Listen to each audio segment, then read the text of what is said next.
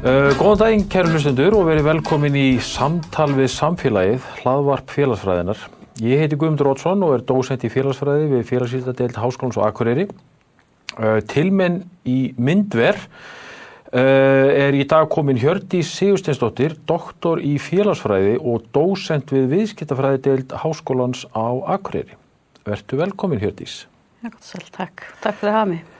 Uh, Hjördís á að baki langan feril í rannsóknum en hefur hinn síðustu ár einbeitt sér að hilsu og líðan starfsfólks íslenskara sveitafélaga í kjölfar efnaðsfrönsins þar sem Ísland er að sigla inn í aðra kreppu í kjölfar COVID-19 ástandsins fannst mér grá upplagt að fá Hjördísi til að koma og segja okkur aðeins frá rannsóknarniðurstöðu sínum og, og yfirstandandi rannsóknum En áður við förum í það vil ég fyrst byggja því Hjördís að segja mér aðeins frá mentun þinni og hvernig það var til að þú fóst í doktorsnám í félagsfræði. Já, ég er með bakgrunn í viðskiptafræði og er sem sagt viðskiptafræðingur í grunninn en tók svo uh, masterskráði í félagsfræði þar sem ég var að fjalla um lífskjör bænda og velti fyrir mig hvort það var lífstíl eða eða hvað, því að hérna mest bændur er mjög áhugaverður hópur þar sem að er er að samblanda hérna vinnu og, og, og áhugamál. Einmitt, einmitt, og ekki mikla tekjur úr. Einmitt, einmitt og þetta er einmitt þetta, þetta viðkvæði sko að, að vera bóndi, þetta er ekki, þetta er ekki starf, þetta er, þetta, þetta, er lífstíl sko. Já, það er lífsviðfæri. Einmitt, einmitt. Og þú kannski komið inn að það eitthvað eftir. En þannig að þú sem sagt þarna tók sem sagt meistaragráðuna í, í félagsfræði við þá Háskóli Íslands Já. og og þarna og ferð þú strax síðan í doktorsnám í, í, í félagsfræði eða? Nei, svo fór ég nú bara hérna, held ég bara áfram að vinna á rannsóknarmiðstöð Háskólans Akureyri sem ég var að vinna áður meðan ég var að taka mitt mastersnám Svo þegar að hérna, en náttúrulega bara þegar við erum að starfa í þessu umhverjinn innan háskólans að þá er svolítið svona krafa á okkur að taka, eða vera með dóttarskráðum. Mm -hmm. Þannig þá fór ég að hugsa viðfóngsefni fyrir, já, hvað, hvað ég gæti hugsa mér að rannsaka mjög djúft. Þá fannst mér svona, þegar hruni kom, þá fannst mér sko starfsfólk Íslenski sveitafélag verið mjög spennandi hópur. Þó sé kannski... Já, það er svona ekki spennandi við hrunið en mm. þetta var svona mjög áhugaverður hópvörn þess að hafa lítið fjallað um hann mm. og þetta var svona meira beint að svona einkageranum og hvað hafði þar en ég hafði verið svona í sveitastjórnamálum svolítið mm. og starfsfólk í sveitafélag þetta er allir grunnskólakennar, þetta er leikskólakennar, þetta er fólk sem er á elli heimilum og sveitafélagin hafa miklu svona hlutverk að gegna í öllum samfélagum. Þannig að þeir eru viðaskvar mjög stór atvinnureikandir og oftast það er svona bara staðisti atvinnureikandir sem var ekki sem starfaðar. Einmitt, getur þú gefa okkur einhverja hugmynd um hvað þetta er stór hluti bara af íslenska atvinnumarkaðunum, bara fólk sem starfa fyrir sveitafélagum, svona svo við fáum einhverja hugmynd. Sko. Ég, ég hugsa að þetta sé alveg allavega já, yfir 10% þetta er, já, þetta, er yfir 10%. Já, vegna þess að þeir sem er í minni rannsókn og það er fyrir utan Reykjavíkuborg, það er lang, langstæðsti hópurinn sem vinnur þar. Já Ég er með svona í kringu 20 stæðstu sveitafélagin, sveitafélag sem er yfir 2000 íbúa því að þeir eru svona aftast nær með einhver svona starf sem meira heldur en bara svo litli sveitafélag eru mm. þá að kaupa þjónustu þessu grunnskóla, samíla grunnskóla annað slíkt.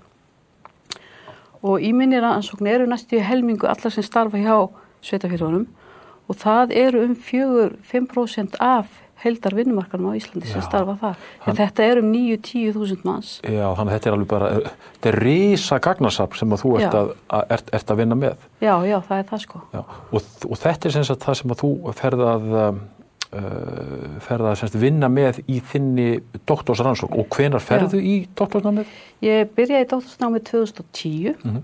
eins og segi var að undibóta svona eftir hrunni, hrunni hérna er á haustjóðun 2008 og það tók bara tíma ég að koma þessu í gang og bæði sækja um námið og, og fekk hann til Ísmi Guðbjörgu Lindu Rafsdóttur Hái, doktor þar.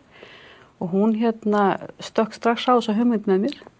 Og við svona útfærðum bæði hérna rannsóknina og þá umsóknina um doktorsnám. Já. Ég byrjaði eiginlega að fá hugmyndina rannsóknina langa að gera hana og leitaði til hennar með eh, svona hvort þetta var í sniður rannsókn og hvort hún hefði áhuga um aðeins að því að hún hefur verið að vinna mikið að svona vinnustaða rannsóknum Já, og þá bara ákveða að þetta er því mitt doktorsverkefni. er þið doktorsverkefni? Já, og þetta er svona áhugaveru hópu líka vegna þess að það voru í raun og veru sko, það voru ekki svona heldar uppsagnir vegna þess að öll þessi störf hjá sveitafélögunum þeim er spyr skilda að eh, vinna þessi störf. Já, að þetta er sé, þetta eru grunnskólakennar, leikskólakennar, þetta eru öldrunar heimilinn og, og annað slíkt, þannig að þeir geta ekki bara sagt um fólki og fækkað eins og aðrir, en hins vegar náttúrulega bara í hrunin eins og hjá öllum, þá máttúrulega minkuðu tekjundar og það er það sem er náttúrulega spennandi núna við COVID líka núna. Já. Hvað gerist hjá sveitafélagum þegar tekjundar minka svona mikið, en þau þurfa að halda upp í sama þjónustíð. Já, það er bara þetta, þetta lög, lög, komið segja, lögbundna hlutverk sveitafélaga er þetta að sinna, sinna þessari þjónustu, sko. En, en segir mér þarna, þannig að Guðbjörg Linda, uh, hún er sérst þá, þá leiðbeinatiðinn Já, og, og þú verð uh, þína, skal ég segja þér, doktorsrítgerði það 2017? 2017. 2017, Já.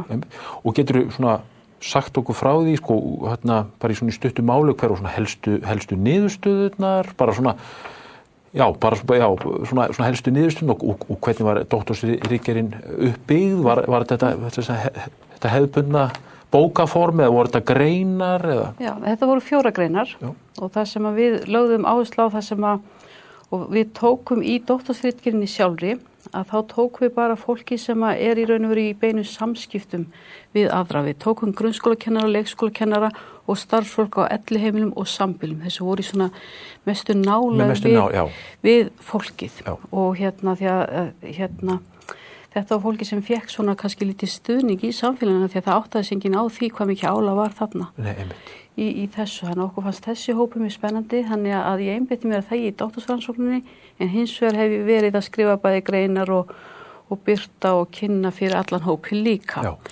Og við eh, skiptum þessum fjórum greinum í tvent. Það sem annars væga var þessi helsa, það sem við tókum fyrir þá svona þessi veikinda fjárvistir og hversu ofta höfðu leitað til lækni svona slíkt og svo þessi bara svona almunu veikindi svona verkir og, og, og, stóðkerfisverkir og annað slíkt í setningreininni og síðan er þá þessi hérna hinlutin voru þessi samskipti. Og það er þá grein sem er um þá einheltu áreitni og önnur grein sem er þá um óbeldi hótanir og þetta skiptist í tvent vegna þess að að einheltu áreitni er yfirleitt eitthvað svona sem er inn á vinnustanum af samfél, hérna, samstarfsfólki og yfirmönnum og svo aftur hins vegar hérna, hótanir og líkanlegt óbeldi það er oftast nær sem að er þá utankomandi aðli annarkvort þá skjólskræðingar Já. sem eru þá börnin geta beitt óbeldi eða þá foreldrar Einmitt. og þá fólkið inn á sambílunum eða aðstandendu þeirra sko. Já, þannig að þetta, þetta er bara mjög fjölbreytt rannsókn, þú, þú, þú þú ert ekki að einblýna okkar eitt heldur er þetta svona, svona, svona ímsa byrtingamyndir Já. og, og maður getur ímynda sér að með svona stórt og, og, og mikið gagnasafn að, að þarna, svo, svo ég vitni nú í sem var nú í doktorsnefndinni minni sko, að þetta væri svona skál sem maður getur verið að borða úr í mjög langan Já. tíma. Það er þetta- það sem ég þetta hefur verið þannig, að það er það sem ég hefur að gera. Já, það er nefnilega mál líka og það er að nóg að taka sko og nóg er vinklar til þess að skrifa um líka. Já. og ég er svona ekki alveg geta náð þeim öllum en, en við svona hug, hugum að þessum hópum og eins líka að greina gögnin eftir kyni. Já. Síðan er náttúrulega bara spennandi vinkil inn í þessum gögnum líka, það er. Ég get skipt sveitafélagin upp í, í stór, lítil miðlungs sveitafélag og eins líka bara hvort er á höfuborgarsæði og landsbyggð. Já. Ég hef svona lítið þreifað á því en það sást bara að í fyrstu félagunni ég þess fyrir þrísasinum. Og þetta er í raun og veru með blöndu sniði þannig ég var bæði með meginlega spurninglista og svo tók ég við til tveimur sveitfélagum líka. Já, bæði á Akureyri og Hefnaverði. Já, þannig að þetta er ekki bara meginlega gögn sko. Nei, þannig ég er með eiginlega gögn líka. Og hérna þannig ég lagði fyrir spurningalista 2010 á vordugun 2010 og síðan bara í upphafi ást 2011 þá fór ég og spurði nánar út í það sem mér fannst áhugavert hvað kom út úr niðurstöðum í 2010 og lagði svo aftur fyrir á vordugun 2011 og svo aftur 2013. 2013, já. Já og það, um það snýri svo doktorsvirkjari mín en hins vegar hef ég lagt svo fyrir aftur 2015 og svo aftur 2019. Já, Þannig ég kom ennþá fleiri gögn í því og og það síndi svona þessi tilneying svona eftir hrunið að við sjáum það að fyrstu, þetta er svona einu og hálfu ári eftir hrun sem ég legg fyrst fyrir Já. Og þá er ég bara með fyrsta punkti því að við náttúrulega getum ekkert sko, ég, ég vissi ekkert um að hruni myndi verða. Hann er það verið gaman að hafa mælipunkt fyrir Fyrir og eftir, já, fyrir og eftir, en það getum við kannski gert um með COVID núna. Já, þá hefur maður fyrir að því laði fyrir 19 hann er mjög, mjög gott sko. Þannig ég hef bara fyrsta stöðupunktin en hins vegar í viðtölunum þá spurði ég mikið út í en hvað hefur breyst frá hrunni Já. og ef við vorum að tala um einhver aðri er þetta öðruvís já, og annars líkt. Þannig þá fekk ég samanbörn og þannig þá geti stutt gögnin mín að þetta var ástand sem að var svona á eiginlega bara, við segja það að vinnu aðstæður og starfsaðstæður og samskipt á vinnustöðunum fór bara hriðvestnandi. já, Fyrst eftir hrunni þá ætlum við allir að standa saman. Við bara taka svona poljun á þetta. Já.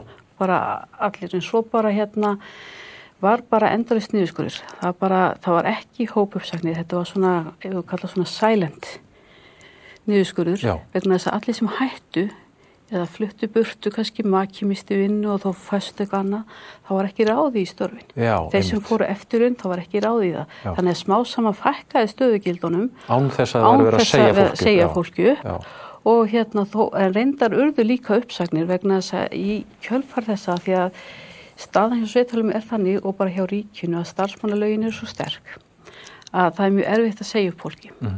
Það er bara, já þú þarfst eitthvað að brjóta aður í starfi nema að sé einhver svona aðstæður og það var svolítið bara að það gáta allir fengi unni á sveitfælinu. Þú feist ekki vinnu, þá kannst alltaf fengi vinni á sveitfælinu, ekki satt. Það, bara, það var alltaf, alltaf, það var nóg að gera, enn nóg að gera og þeir tóku við bara alls konar fólki, voru ekkert svona með neitt pikki á það. Nú.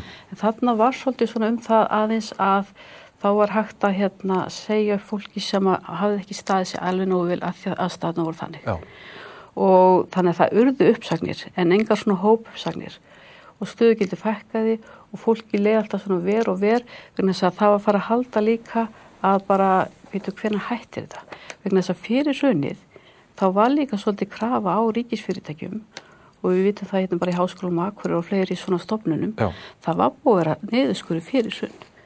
Spítulunum og einmitt, einmitt. svo kemur hrunið og þá bara skera ennþá meira. Já. og það sama er hjá sveitafjölu líka þá átti bara skera ennþá meira. Og svona þá fór fólk að hugsa býtu, það er alveg sama hvað ég hra- hleyp hraðar, ég get ekki meira. Þú veist, er þetta orðið normi núna? Já, á eitthvað að bæta einn nei, þeir sá ekkert ljós í myrkunni það var bara alltaf niðurskurður næsta ár, næsta ár, næsta ár. Og það maður sá það, þetta var svona bara alltaf voru alltaf fleiri og fleiri sem höfðu eitthvað svona neikvætt starfsandin starfsánægjan alltaf lækkaði meðaltali í þessu já og, og hvenar, hvað maður að segja, hvenar var botninum náð? sko, við sjáum það ekki fyrir í gögnunum 2015 að þá Já, er þá farið að skrýða upp, já. nei, þá er bara status quo sko. Já, já, já, já þú meinar, þetta, þetta, er að, þetta er að versna allan þennan tí- já, þannig að meðan að ég er að gera gott óttarsrannsóknina þá er vestun allan tíman Já. 10, 11 og 13 Já. Og fólk orðið svolítið svona uppgjöfuð og þó ég set, tók það ekki inn í dóttarsrannsókninu mína en ég tók viðtöl aftur 13 Mm. Já. og þá kemur til ljós bara býtu nú er þetta greinlega orðið bara normi sko, bara, veist, og þá fór að koma svona miklu meiri kurr það hérna voru fleiri sem að, að hérna töldu sig hafa orðið fyrir einelti og áriðni á vinnustanum, samskiptin urðu bara verri Mm. verri, í raun og veru og, og, líðaninn bara heilt yfir á vinnustanum var bara verri já, en svo náttúrulega, en það svona eh, sko yfir svona heilt yfir hópin Já. en auðvitað náttúrulega eru einstaklingar hann inni sem að líður bara vel og, og leið hérna betur. Og það er það sem að kannski kosturinn í gögnunum mínu líka er að þetta eru panelgögn. Já, Þannig ég var með svona kóða aftast í spurningalistanum þar sem fólk hatt svarað og fjórum spurningum og þeir svöruðu alltaf spurningunum eins sama hvað tíma. Þetta var fyrsti stafur í mömmuðinni, þú breytir eitt um mömmu, Já, já. veist, annar stafur í einmitt. og ef fæðingar hérna árinu og svona. Þannig ég gæti para saman gögnin eftir Já, tíma. Þannig þú ert með svona langtíma snið og getur um, já, Og ég get ekki séð, þannig ég sé lík, hérna meðaltal, hvernig meðaltal breytist á milli vinnustada Mhm. en líka milli einstaklinga og ég sá náttúrulega líka það að bara sömur einstaklingar voru bara blómstra þó að væri meiri hluti einstaklinga sem að Já. leið ver og ver sko. já þannig, þannig, að, þannig að þegar við erum að tala um að, að, að einhverjum svona botni eða, eða, eða svona eins og, eins og þú orðaði svona einhverjum svona status quo hafi verið náð 2015 og þá verður við að tala bara svona, svona, svona meðaltal Já. en ef við erum að eh, skoðum svona breytileika þannig inni og voru einhverjar starfstjettir sem komu sérstaklega illa út og, og, og voru aðra starfstjettir sem að, þarna, sem að þetta, þetta hafði ekki eins mikil áhrif á Já, þetta var svona, þetta var misjant eftir hvaða þætti ég var að skoða. E, til dæmis eins og bara sko hótennu óbeldi var miklu meira inn á elliheimilum og hérna sambilum, kannski eðlilega, Já. því að það er náttúrulega ekki að fallaði þar, heldur en í, í leik- og grunnskólum. Mhm. e, ástandið vestnaði meiri í grunnskólum heldur en leikskólum. Ég held að svona starfsaðstæði væri kannski svipar í þessu Já. tveimur skólakerfum en leikskólinn og leikskólakennarar voru mun jákværi heldur en til grunnskólinn og grunnskólakennarar. Já. Það kom mér svolítið á óvart með það Já, í því. Það sem kom mér líka mjög á óvart var að, að því að við vitum til dæmis eins og bara e, þú ert að menta þetta þess að vera leikskólakennari og grunnskólakennari hversu margir af alltaf fleiri og fleiri eða herra hlutfall sem hafði íhugað alvarlega að hætta í starfi. Já, sem að svona manni finnst svona einhvern veginn og, og þegar þú ert fann að íhuga það þá ertu hálfbúin stimplaði út. Þú ert samt með krakkana, þú ert að sinna krökkunum og, og vera með þau. Þannig að þá er spurning með varðandi já, svona skuldbindingu í starfi og hvernig líðan þá líka bara hvað áhrif þetta hefur á börnin á börnin, já, þetta er sko. þetta, er þetta mikið uh, ábyrða starf og, og, og, og manni finnst það stundum stundum ekki, nei, ég vil þetta ekki vera sko metið til launa sko að, að, að, að, fólk átti sig er að segja, að laugjafinn og, og, og sveitafélagin átti sig á hvað þetta er óbúslega mikilvægt starf sko Já, það gerir það sko. Og þess vegna til dæmis eins og í, í fyrirlögnu 2015 þá bættu við spurningapakka um sko helgun í starfi. Já, Svona þetta work engagement. einmitt Ef það ekki það hugtak.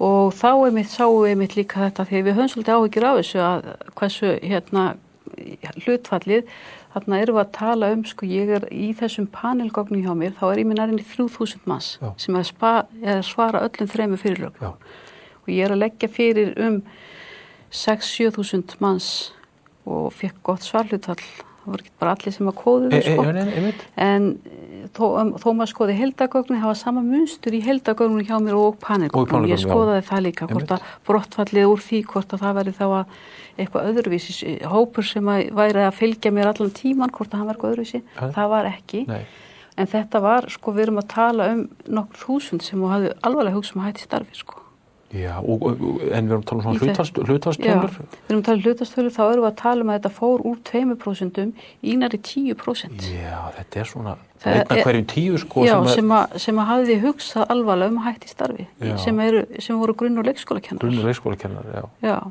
En, en ert þú með einhverja svona tilgátur af hverju þetta virtist á að komið sem svona verð við grunnskólakennarina heldur en við uh, leikskólakennara? Núna stundum talað um í fjölmiðlum að, þarna, að kjör leikskólakennara sko séu svo, svo slæm meira þess að borið saman við grunnskólan sko. Þannig að þetta snýst Já. greinilega ekki bara um kjörin sko. nei það stýst ekki bara í kjörin. Það er eitthvað svona í þessum starfsaðstæðum sko. Svo þarf maður að skoða þetta líka. Þetta er svona, eh, grunnskólakennarar eru líka kannski öðruvísi hópur. Ég held ég, það svona hefur komið upp það sem á, nú er ég ekkert sem ég hefur rannsaka heldur bara það sem hefur komið upp á þessum þegar ég er að tala á rástöfnum og, og hérna er að sína gögnum svona, mm. komið svona úr salnum með mitt sko, grunnskólakennarar þeir eru óanæðari með kjörin sín. Já, almennt og, og hafa látið það í ljós. Þeir eru svo stjætt hér á Íslandi sem hefur oft farið í verkvall til dæmis og, og hafa verið að beita þeim sko rétti sem er náttúrulega bara þeir eru fullan rétt á E- því sko einmitt.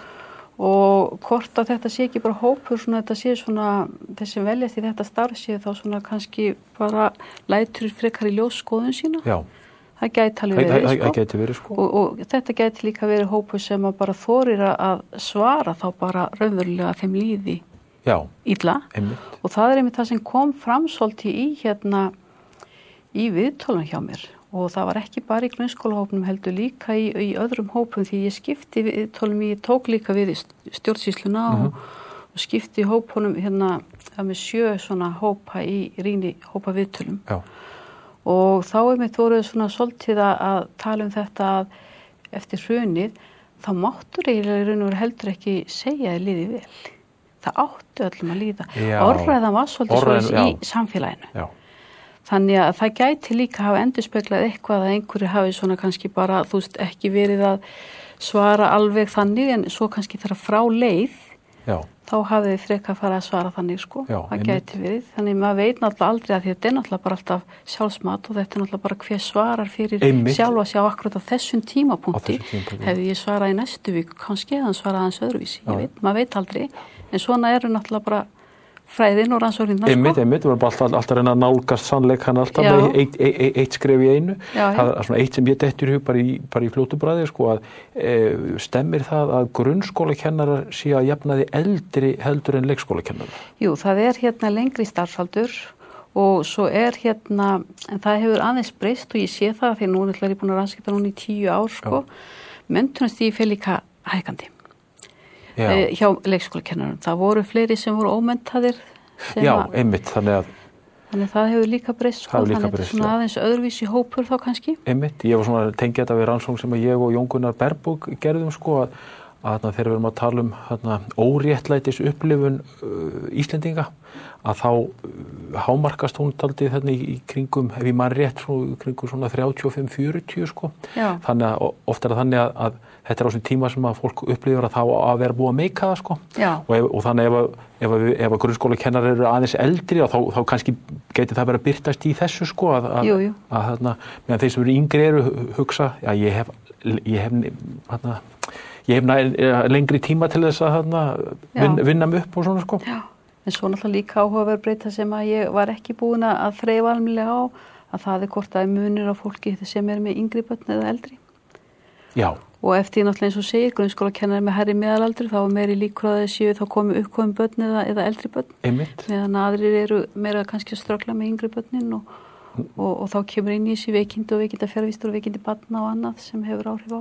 einmitt, einmitt en þarna þú segir, þú er búin að vera stúdera þetta semst í tíu ár og, og núna erum við að tala við já, komur að segja álgjörum vatnaskilum með, með þetta COVID uh, ástand Já, og, þarna, og þú sagði að þú hafi lagt fyrir spurningalista núna 2019 Já. og ég efast ekki um að rannsakandin í þér yðar í skinnunni að fá að þarna leggja fyrir þarna uh, næstu fyrirlögn til að skoða fyrir og eftir, eftir, já. eftir, eftir COVID er, er, er Já. þetta á tekniborðinu? já, já, já, og það er ætlunina að fara í fyrirlög núna strax 20, bara núna í haust, Nú í haust, til þess að sjá aflegginga því að eins og sjá, við heyrum í fréttunum að sveitafélun er í vandræðum já.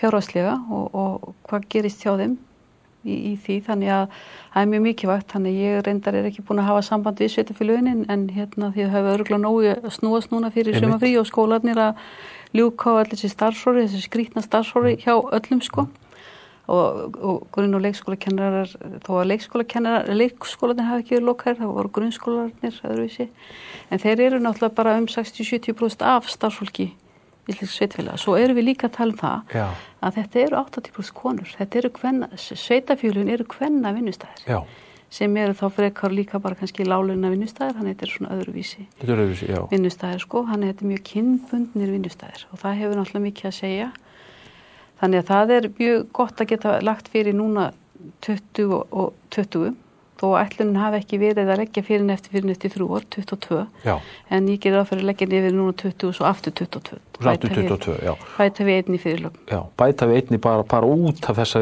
Já. fordæma lausu aðstæðum, sko. já, akkurat sko. Og fylgjast með því og, og, og jáfnvel að fara í, í viðtöl á vordugun 21 sko. Já, spennandi að fá að sjá svona heyra þeim svona upplifun líka því að eins og segir maður getur manna er ákveðnum upplýsingum í svona spurningalistum en, en það er líka gott að kafa aðeins dýpra og, Já, já, og já. spurja aðeins út í atrið sko. einmitt, einmitt, þannig að þetta er mjög merkileg gögn sem þú hefur safnað og, og verður, hérna, skal ég segja þér líka bara gott fyrir, sko, hérna, framtíðar rannsækjendur um þetta geta, geta lítið tilbaka, sko, vegna þess að þú ert að fanga þarna áhrif, sem sagt, þarna efnahagsfrunsins og síðan þessarar uppsveiflu sem verður hérna í, kjölfar Já, verður ekki að segja þarna makrílinn og, og, og svo þarna, og svo þarna ferðarþjónustan og síðan Jú. núna þetta, þessi þarna efnaðarslæðu eða kreppa eða hvað sem við erum að fara að uh, sigla inn í. Um, en þú sagðir, nefndir áðan að 2015 hafið þið bætt inn sagt, skala um þarna kuln í starfi Nei, helgun.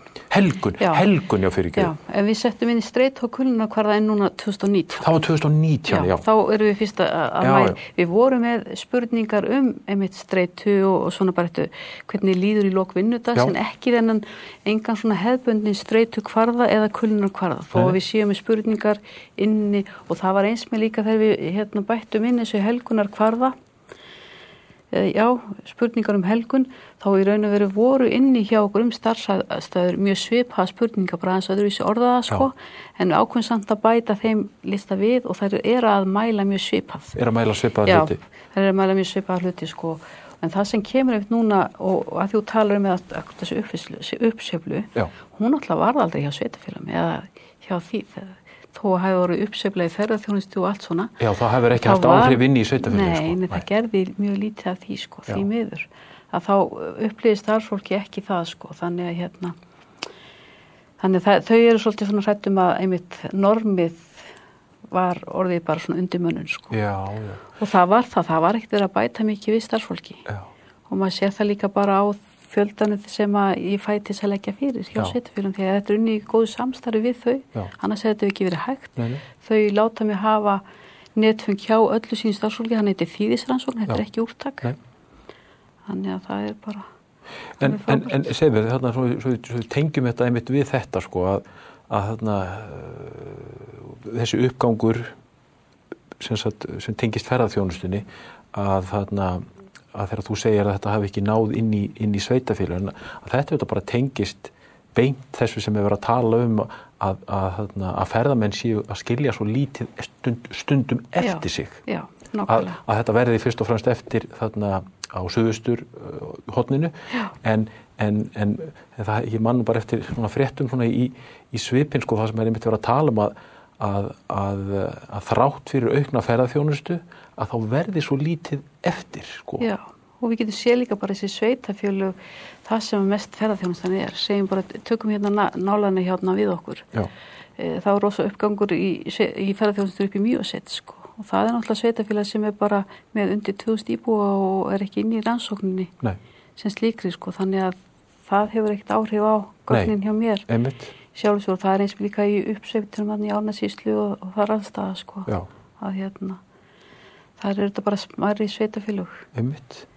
En þarna uh, ertu eitthvað farin að vinna úr þessu þarna 2019 gögnum varðandi kulnun, svona við tengjum þetta við þarna hugtak sem að sem var nú ekki mikið í umræðinni kannski fyrir 5 eða 10 árum en er eiginlega á, á, á ansið margra vörum uh, þessa dagana Já, sko. nákvæmlega, já. Já, ég er búin að hérna mitt að þreyfa á þeim spurningum og hérna það kemur bara ljós að það eru bara ansi margir haldnir kulnun. Og það er kannski eitthvað svona sem að við e, gerum okkur ekki alveg grein fyrir hvað er. Uh, vegna þess að, að sko kulnun er náttúrulega bara langvarandi ástand. Og þegar það er svona meina það er mjög gott að vera svona aðeins með stressaður í starfi og það er mjög gott að vera aðeins undir álægi vegna þess að það heldur okkur aðeins á tánum. En of mikið álag í of langan tíma hefur neikvæð áhrif á okkur, hefur neikvæð áhrif á helsuna og þegar það er orðið svolítið að sjóri viðvarandi ástand að þá fer þér að líða mjög illa. Og það komir á óvart hversu margir einmitt eru í þannig ástandi. Þetta voru yfir 35% sem að mælast með kulnun á þessum kulnuna skala Já, þri, já Þetta voru- 35% Já, af heildargögnunum sem er bara mjög hátt í raun og veru. og, þegar þú segir 35% ertu, eru þá að tala um semst, er þetta allt starfsfólk sveitafélaga eða þessi sem þú tókst út úr þarna í kennararnir og Já, í þetta er allt, bara, heildin, já. Og þetta er rosalega já, og það eru, og það eru, hérna, hlutfallið er eiginlega herra, með að karlmanna. Þess í gögnunum sem ég þegar ég var með, hérna, öldrunarheimilin og sambílin og það, það voru svona, og leikskólkennin, þetta er náttúrulega meiri hluta konur. Konur, já. Já, svo þegar maður tekur heildagögnin og það eru fleiri karla sem vinna á framkvæmda deildónum og, og, og inn á skrifstónum og svo leiðist, þá eru fyrir koni meira inn í hópinn. Og við sá, ég, ég sé það líka í gögnum þá kerði ég með til dæmis svo bara yfirvinna. Já, Það eru, karlmenn eru að vinna miklu meira yfirvinnu heldur en konur. Já, og það á sér stað líka í grunnskólanum í sjálf og sér. Þegar hérna, þeir sem er að vinna yfir inn í grunnskólanum þá er það í, í meira mæli karlar heldur konu þó að sé kannski ekki mikið um yfirvinnu en þá er það á mörgum já. og það tengdist alveg beint þessari kulnun í, í því. Og, og hérna það tengdist ekki alveg eins og veikinda fjárvistum svona vegna þess að ég held að fólk gerir sér bara ekki grein fyrir því fyrir bara eins og margi segja þegar maður er að ransa kulnun hjá þeir sem hafa komið inn hjá virk og maður er að hlusta á fyrirlesta þaðan að þá segir fólk bara að hafa allt í hennu bara skulda veg Já.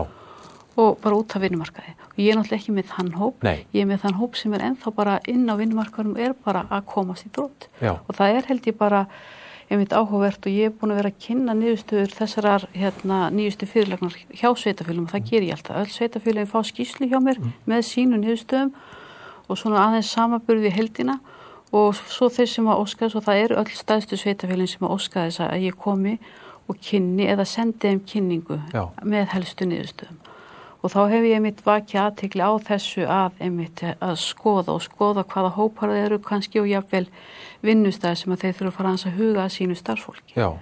og eins og bara með ávingina þessu varandi til dæmis bara það að veikindafjárvisti hjá sveitafélagin þar voru ekki skráðar og þegar ég er að sína niðurstur úr, úr hérna, veikindafjárvista spurningunum þar sem fólk segist að það veri þetta mikið veikt þá voru stjórnundur alveg undlandu býtu er starfsfólk svona mikið veikt hjá okkur? Af því ég held ekki utanum það. Frekar eins og hér í háskólum það er ekki haldið utanum veikindi. Nei, en þannig að nú eru stöðstu sveitafölinn fann að halda utanum veikindi vegna þess að þeir sáu tölunar Já. og það er vonandi það sem að kannski gerist núna með þess og það er eins líka með einildi það kom þeim á óvart hversu mikið einildi var inn á vinnustöðum en þess að einelti er ekki í barnavandamál, það er líka með að fullorina og það mæltist alveg ótrúlega hátt og það mæltist alltaf meira og meira. Og hérna þannig það kom þeim óvart líka. Þannig að margi settu í gang bæði eineltis áallanir og gerðu einmitt hérna svona já bara teimi og, og bara upplýstu starfsfólki um hvernig ætti að taka á þessum málum og, og hvert þetta tilkynna og svona. Þannig að fólk er miklu meðvitaðar um það núna. Þannig að það er ímislegt sem sveitafélagin hafa gert til að breyta út frá þessum niðurstöðum. Og núna það nýja staðir er mitt að skoða bara hvað er í vinnaðastafanum sem að gera það verkum og fólk er svona já bara að komast í þrótt, komast í þrótt já, þannig að vonandi bara virkar það þau farið að skoða þetta alminlega Einmitt, uh, en þannig að þannig að þú ert ekki bara í þínum fílabeins törni að, þarna, að rannsaka fyrir þig og einhverju örfá á fræðum en að, að þú ert semst í miklum þarna, samskiptum við sveitafélagin og þetta hefur greinlega haft já alvöru áhrif þetta, er hagnýtt gildi þessar rannsóknar er, er bara augljóst bara út frá þessu sem þú hefur verið, verið að lýsa sko. Já, það, já og klálega og, og, og öðruvísi er ekki hægt að gera svona stóra rannsókn nefn í góðu samstarfi við sveitfölun og til þess að þau hérna sjá einhvern ávinning að því, þá þurfum við að þjónusta, þá þarf ég að þjónusta þau líka, ef ég má kalla þetta þjónustu, já, já. að veita þeim niðurstöðum því að þetta er náttúrulega gert líka fyrir þau, því að þetta er náttúrulega ekki bara eitthvað mjög hugarefni eða tala við fræðarsamfélagi til þess að setja niður einhverja tölur og prósendur og hlutvöld og eitthvað svoleiðis og þannig að heldur svona til þess að nýta, þetta eru aðstæður fólks já. og fólk og auðvitað náttúrulega ég er að byggja fólk um að gefa sér tíma til að svara spurninglistum tekur kannski hálf tíma eða eitthvað svolítið þetta er svo stór spurninglisti. Mm. gefa mér tíma að þá verður ég að gefa eitthvað móti. Bara þú veist já, við erum að þessu suttið þess að bæta eitthvað vinnaðstöðu þannig nægi upp þessari góðu svörun. Og þegar starfsfólki sá það að það er verið að gera eitthvað í málunum þá verður það dugleira við að svara, að svara e það skiptir bara öllu máli í svona rannsókn að ná góðu starfsfólki Já, ég, hérna, bara, bara einmitt gaman að að sjá sko vísindaransóknir sem, sem er, sem er síðan að hafa áhrif vegna þess að þarna eins og uh, hefur ekki farið fram hjá neinu sem til þess fylgjast með fjölmiðlum sko að, að umræða um þarna kulnun í starfi og, og langa vinnuvíku, ég menn Íslendingar eru með, hvað, eru við ekki með lengstu vinnuvíkuna innan OECD uh, uh, atvinni þáttaka kalla og hvenna er mest, skilur, vinnan Já. er greinlega Já. mjög mikilvæg fyrir Íslandinga, þetta er, þetta er hlut af okkar sjálfsmynd sko, þannig að það er kannski ein ástæðan fyrir því að, að fólk er að keira sér í þrótt sko, já, að, já, hérna, að hérna, í stað þess að í stað þess að hlaupa aðeins hægar að þá reynir fólk að hlaupa hraðar sko já, og allt þetta sko. Og það er mitt akkur þessi sjálfsmynd sko bara hérna að vinna sem mest. Og það er einhvern veginn svona í okkur að við séum eitthvað meira að við vinnum svo mikið og, og tökum þátt í öllu og, og eitthvað svona, það er svona ég, tett stundum þegar ég bjónu lengi í bandaríkjunum og, og stundum var að spyrja hús hvernig eru Íslendingar og hitt og þetta? Og þá grínaðist ég nú stundum með það. Það væri sko tvent sem, sem að Íslendingar ókunnir hitta sko sem að getur alltaf talað um. Og það væri veðrið og hins vegar hvað væri brjálað að gera. Já, og, það, og það væri bara ekkert þjóðferðaslega ásættarlegt að segja að það væri lítið að gera. Nei, það, það, væri eina rétt að svara við hvernig er í vinnunni, það er brjálað að gera. Já, og, og það er auðvitað ekkert uh, það er auðvitað ekkert eðlilegt Nei, og þess vegna held ég sé svo einmitt svo gott að Íslendingar séu fannir að þoka sig áfram í þessari umræðu með uh, styttingu vinnuvikunar, að fólk sé og talið aldrei opinskátt um sem sagt þarna kulnun og kulnar einkenni og svona vegna þess að ég held þetta sé nú ekki sjálfbært til frambúðar einmitt allir sé að ganga sig til húðar í vinnunni sko. nei, nei, nei, nei. Og svo náttúrulega verðum við líka að huga því að, að því ég nefndi það að, að karlmenninir þeir væri frekar að taka auka vinna Já. og inni lengri vinnidag. Þá megum við ekki gleyma því líka að rannsóknum náttúrulega sína það að vinnudagurinn er ekki hálnaður hjá konunum. Því að við erum, það eru konundar sem að fara svo heim og sinna börnunum og, og heimilisflutverkinu og öllu því þannig að það er kannski eðlir að þeir fari út af vinnustanum akkurat eftir bara fulla vinnu Já, en þar, þar með er ekki sagt að þeirra vinnutími sé liðin og, og það náttúrulega er álag þar líka sem að, og þú, þú skilur ekki þar á milli þegar þú ert koni í álag þú ert álag á heimilinu og það smitast inn í vinnuna og álag í vinnunni smitast inn á heimilið Einmitt. og þetta einmitt tengist þarna hlaðvarpinu þetta sem ég tók við hérna Valgerið S. Bjarnadóttur og, og Andru Hjálmsdóttur og voru einmitt að skoða breytingar á, á högum uh, barnafjölskyldna í, í, í COVID og það er einmitt komið þær inn á þessa setni vakt sem hún Arli Hókstjald talar um að, að Já. fellur fyrst og fremst að, í þarna hlut, uh, hlut kvenna og, og þetta er einmitt svo ástæð fyrir það svo mikilvægt fyrir þig að, að taka líka viðtöl vegna Já. það er, er, það er kannski erfiðara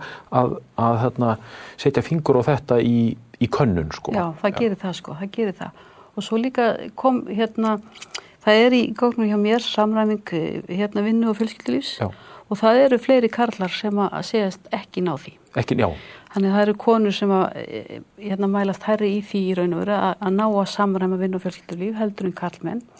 En svo er það líka það að, hérna, hvort þetta er eðlastlegt í okkur eða hvort þetta er áunnið eða hvort þetta er einhvern veginn bara viðhorf að þá takar konurnar vinnuna meira inn á sig og við sáum það í viðtálum eftir hrunið. Þá höfðu þær svo miklar áhyggjur af börnunum. Þar voru með þess að sko bakandi heima til að koma nest í skóluna því að suma fjölskyldur höfðu ekki efni á að já, vera með börnin, þau sáu hvað börn voru ekki með nesti Já. og þær sögðust hafa legið andvaka yfir ástandin á þessu heimilinu að því að hérna þeim vissu að þessum börnin liði illa, þau sáu það líka bara að þau voru í eldri fötum, fólk sá ímislegt leikskólanum, það var engin nýju stífilu næsta hausta eftir, það voru allir bara í nóttuðu og eitthvað svona, Já. þannig að það breytir svona ýmsum lífskildum. Uh, Ég passaði að hafa alltaf karlmenn í, í öllum rínihópunum líka já, og þessu bara byttu, þegar ég fyrir út úr skólanum, sko, þá komum börnum mér ekki lengur við. já, Og það var svolítið svona þrættefni inni á milli kalla og kenna inn í svolítið hópunum varðandi þetta. já, að, að kallarnir væru, þeir væru Þeir náðu- sjálfmiðaðri, Já, þeir náðu bara að loka Loka á þetta þetta. bara vinnan já, og svo kom bara hérna þeirra líf eftir vinnuna. já, Meðan að kona var að hugsa um vinnuna, eða konuna voru meiri máli að hugsa um vinnuna alveg allan tíma. Þetta auðvitað hefur komið fram í, í mörgum rannsóknum og ef við tölum bara um svona, svona, við- svona hagnýtt hvernig þetta byrtist, meira þess að í, sko, í þróunarsamvinnu að þá er talað um að, að, það, að þarna, það er miklu meiri ávinningur af því að kenna konum að lesa vegna þess að þær mun að kenna fleirum Já. en ef þú kennir kallinum að lesa þá bara er hann, Já, hann gerði það sjálf. bara gerir þetta sjálfskeilu og hann, hann, hann er ekki svona, svona pay it forward svona svo ég, svo ég leiði mér að sletta sko. Já, og, og, og þetta er þá kannski einbyrtingamynd að þess að sko að hvort sem að það við þetta félagsfræðingur viljum meina þetta sé þá frekar uppeldislegt eða félagsmótun að konurnar séu þá frekar að, að, svona, að hugsa um heildarhægin Já. meðan kallanir eru þá kannski aðeins sjálfhverfari Já, eða bara miklu sjálfhverfari með þetta. En þarna uh, þú nefndir áðan sem sagt að, að þú ætlir að leggja fyrir núna í haust uh, skal ég segja þér bara svona auka fyrirlögn og, og, og ég var að pæli í, í ljósi ástandsins ætlar að leggja fyrir sem sagt uh, verður þetta tiltölu óbreytt eða ertu eitthvað farin að hugsa um já já núna í ljósi þessa þá ætla ég að bæta við fleiri, fleiri spurningum eða, eða ertu svona meira svona að hu- hugsa á svona fyrir eftir að bara miða við þess, þær breytur sem þú hefur verið að skoða og skoða breytinguna Já, ég hugsi, ég taki eh, spurningarlistan, hann er svolítið samsettur sko, bæði mínar spurningar og svo þarf við sveitafélagana líka. Já. Þannig að sveitafélagin hafa komið inn með spurningar sem að ég hef ekki mikið verið þeim að vinna úr sjálf eins og bara hvort þú hafi farið í starfsfrónasamtal, varandi sí og endumöntun og þarfir í það og, og annað slíkt. Ég hugsa að ég komið til með að sleppa slíkum spurningum sem að ég hef ekki verið að þreyfa og heldur halda mínum og ég gerir ráð fyrir að taka inn aftur spurningar sem ég voru með um sem við byggum sérstaklega til varandi kreppuna eins og varandi bara uppsagnir á vinnustaf. Við lögðum það ekki fyrir 2015 eða 19 Nei. það sem við spurðum um hvort að það hefði orðið beinar uppsagnir eða einhvers nálættir hefði verið sagt upp á vinnustanum og þannig spurning eða hvort það hefði orðið breyting á starfinu við tökum þær spurningar læklega inn aftur. Já, þannig að, þannig að við erum ekki bara að tala um sko munurinn á 19 og 20 heldur þetta að hugsa sko hver er munurinn á þessari kreppu og Já, hinni kreppinu. kreppunni, Já, akkurat. Ertu með einhverja svona tilgátur um, hérna, hvernig þessi efnahagslægð eða kreppa er öðruvísi heldur en hérna, heldur en hérna, var sem sagt hérna, 2008, 9, 10 Já, ég held í sjálfu sér á þess að, og kannski er inn ég blend í sjóið með það, ég held að þetta sé öðruvísi kreppa og komi ver við sveitafjölun heldur en hinn kreppan. Já, Vegna þess að það eru, e, það er bara einhvern veginn, finnst mér þjóðfélagi vera þannig og, og allavega þá eru svona fréttina þannig að sveitafjölun standi ver núna eftir þessa kreppu fjárhagslega. Já, varðandi sínar útsvarstekjur annað vegna þess að núna alltaf voru svo miklu fleiri fyrirtæki sem að kannski hrundu alveg já. heldur í hinni kreppinu, við vorum mjög snögg upp úr hinni kreppinu í sjálfu Já, já, í Í alþjóðlega samanbyrði, já, Þannig að efnahas svona afleggingarnar, þær voru svona, þær komu ekki strax á sveitafjörðin, heldur komu aðeins setna og urðu svona áhrifin urðu lengri og, og svona þú veist svona, hvað sér að víðari. Já, En ég held að þessi verði, verði meiri skellur akkurat fyrir því haust, sko, það verði mjög strempi fyrir þau næsta fjárhagsára. já, og, og síðan kannski líka eins og þú nefndir á þann að, að uppsveiflan kom ekki, Nei, að miskut ekki í sama mæli til, hérna, eh, til sveitafélagana þannig að það hefur verið að bætaka ráan og svart Já, svolítið held ég. Já, En án þess að vera alveg inn í öllum fjármáli já. sveitafélagana, En, en, en, en þetta er bara svona að þú bara geta, geta til sko, já. og það verður bara mjög fróðlegt að, þarna, að fá að uh, að fá að hlýða á, á niðurstöður þegar, þarna, þegar, þegar fram í sækir.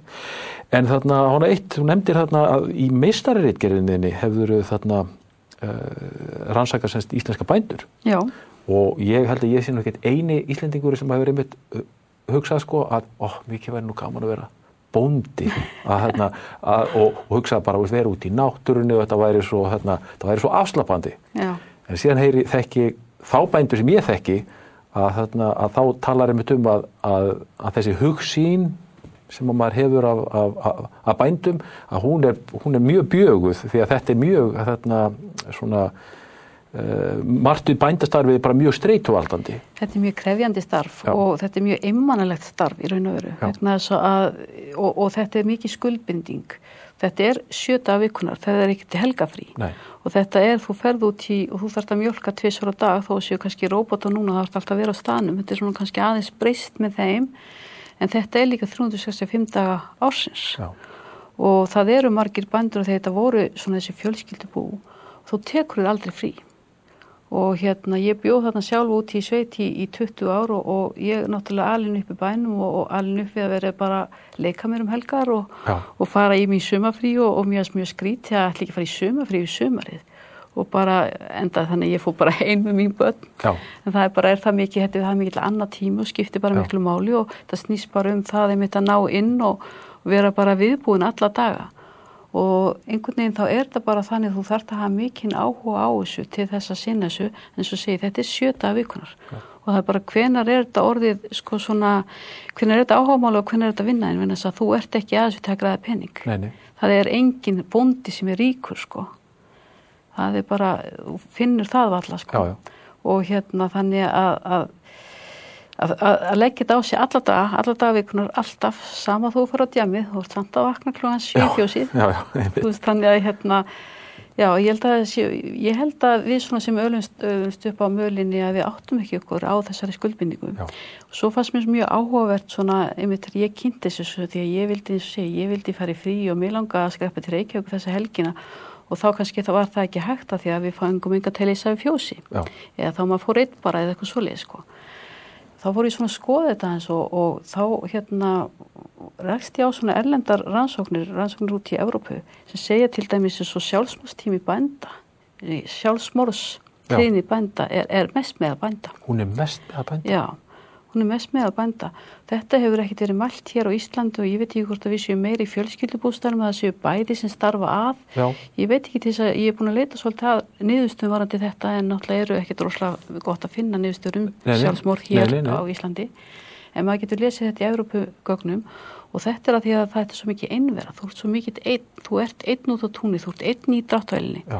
þú ert einn í öllum störfum. Þetta er ekki, þetta er svo mikið sem er ekki samskipt við aðra. Nei, nei, þe- þetta er nú bara hérna, aldagömmul þekking úr félagsfræðinni frá hún að Durkheimskilur að hérna sé félagslega einangrun sko, að, að hún sér sett ítur undir sem sagt svona sjálfsýstinni sko. En, en ég, mér er ekki kunnutt um, um þetta meðal bænda, mér skuti ekki hérna í eurósku samingin, aftur múti heyri maður meira um þetta á svona á svona skal ég segja hérna, meðal landbúna starfsmanna almennt svona á, á heimsvísu sko þegar kemur sko koma kreppur sko Já. og, og það er hægt að, hægt að kaupa að þeir afurðina sko Já. að, að, að, að, að þá sem sagt uh, sem sagt uh, hérna, stökkvi sjálfsmóðstíðnin Já. upp sko Já. Þetta er svona kveikt þegar ég las hérna einhverju rannsókn, kveikti Já. svona áhuga á einmitt að skoða þetta efni sko Já. á sínu tíma. og þú sem skoðaðir þarna hvað þá na, svona nákvæmlega meðal meðal bænda sko. Var, Já. var, var, var, þetta meginlega rannsókn, var þetta Já, eiginlega þetta, rannsókn? þetta var meginlega rannsókn þar sem ég sendi á öll svona lögbíli, lögbíli þess sem við skráðum með einhverja starfsemi á landbúna Já. jörðum, fekk það hjá bara hérna bændasamtökunum og sendi spurningalista til þeirra.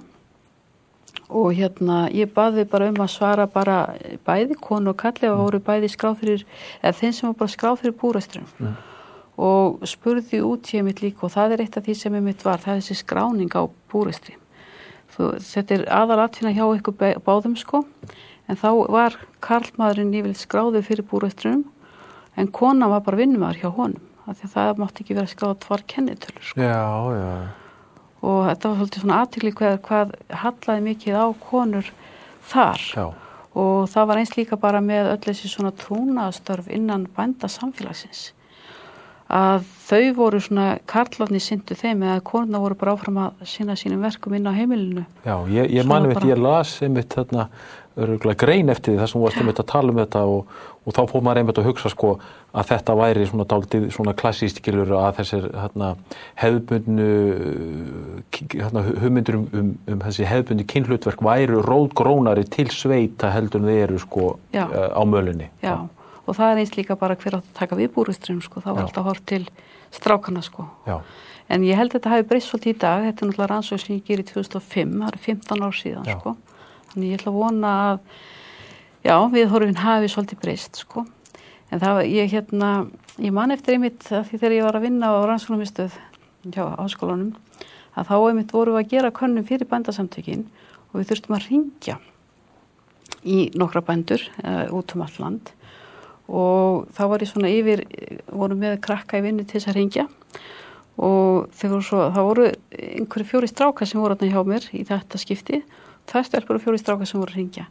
Svo í kaffestofunni þegar við vorum að hérna fá okkur svona þess að, að borða svona að við heldum svo áfram kvöldið, þá kom einn í mjög miklu uppnámi.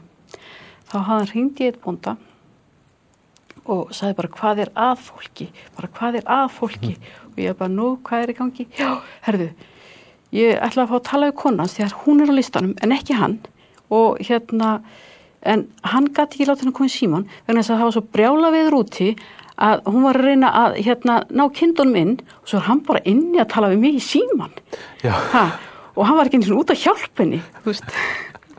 Og fannst þetta alveg, svo, svo sagði hann bara herði, ég skal bara svara spurningu, ég veit alveg hverju myndi svara. Og hérna þetta setur svolítið í mig sko, akkurat sko þessi svona, já, það var hún út í veðrinu já, eldast við hérna grípina og svo það að það bara hann væri alveg sjálf fær um að tala fyrir hana. Fyrir hana, já. enn annað viðhorfið sem byrtist í þessu símtali og það mjög, mjög gott að þetta var hérna 17 ára drengur sem að Sem hafið hafi þó kveikt á þessu. Já, og, og, og, og upplýði þetta símtal, sko. Hann Einmitt. er vonandi hefur þetta breytt aðeins hans, hans skoðunum og, og jáfnvel sagt einhverjum fleiri því. Einmitt. Og við þetta lifum þetta mjög, mjög þarna, áhugaverða tíma þar sem að sko viðþorf uh, svona það er svona aðeins að losna um svona, rótkrónu viðþorf hvort það með til sko hérna, uh, hérna kynjana eða, Já, já. ekki sko eins og, eins og þú nefnir 15 ár, 15 ár er nú bara daldið langu tími þegar, Já. þegar hlutindi gera svona rætt eins og þau gera núna þessa Já, já, akkurat sko. Já, já, maður sér það alveg í, þetta er orðið miklu meira svona enga félög sko, svona EHF þessi hérna, þessi núna, þessi bíli, orðin stærri já, heldur en var þannig að hefur held ég mikið breyst þar en það hefur einn fækka kúabúunum hefur til dæmis fækka mjög mikið, Já. söfjabúun líka þannig að hérna þá vonandi situr fólk jáfætis já sem stendur að þessu rekstri því að það næri ekki bara að vera giftur það Neini, neini, einmitt ha. En herru, ég held að sé bara komið tími til að uh, slá botni í þetta. Það er búið að vera virkilega fróðlegt að heyra um þessar rannsóknir og, þarna, og ég hlakka bara virkilega til þess að fá að heyra þarna, þegar þú ferð að kynna niðurstöðunar svona fyrir og eftir COVID. Sko. Já, Þannig að ég þakka bara kærlega fyrir komuna. já, bara takk fyrir mig og takk fyrir að fá mig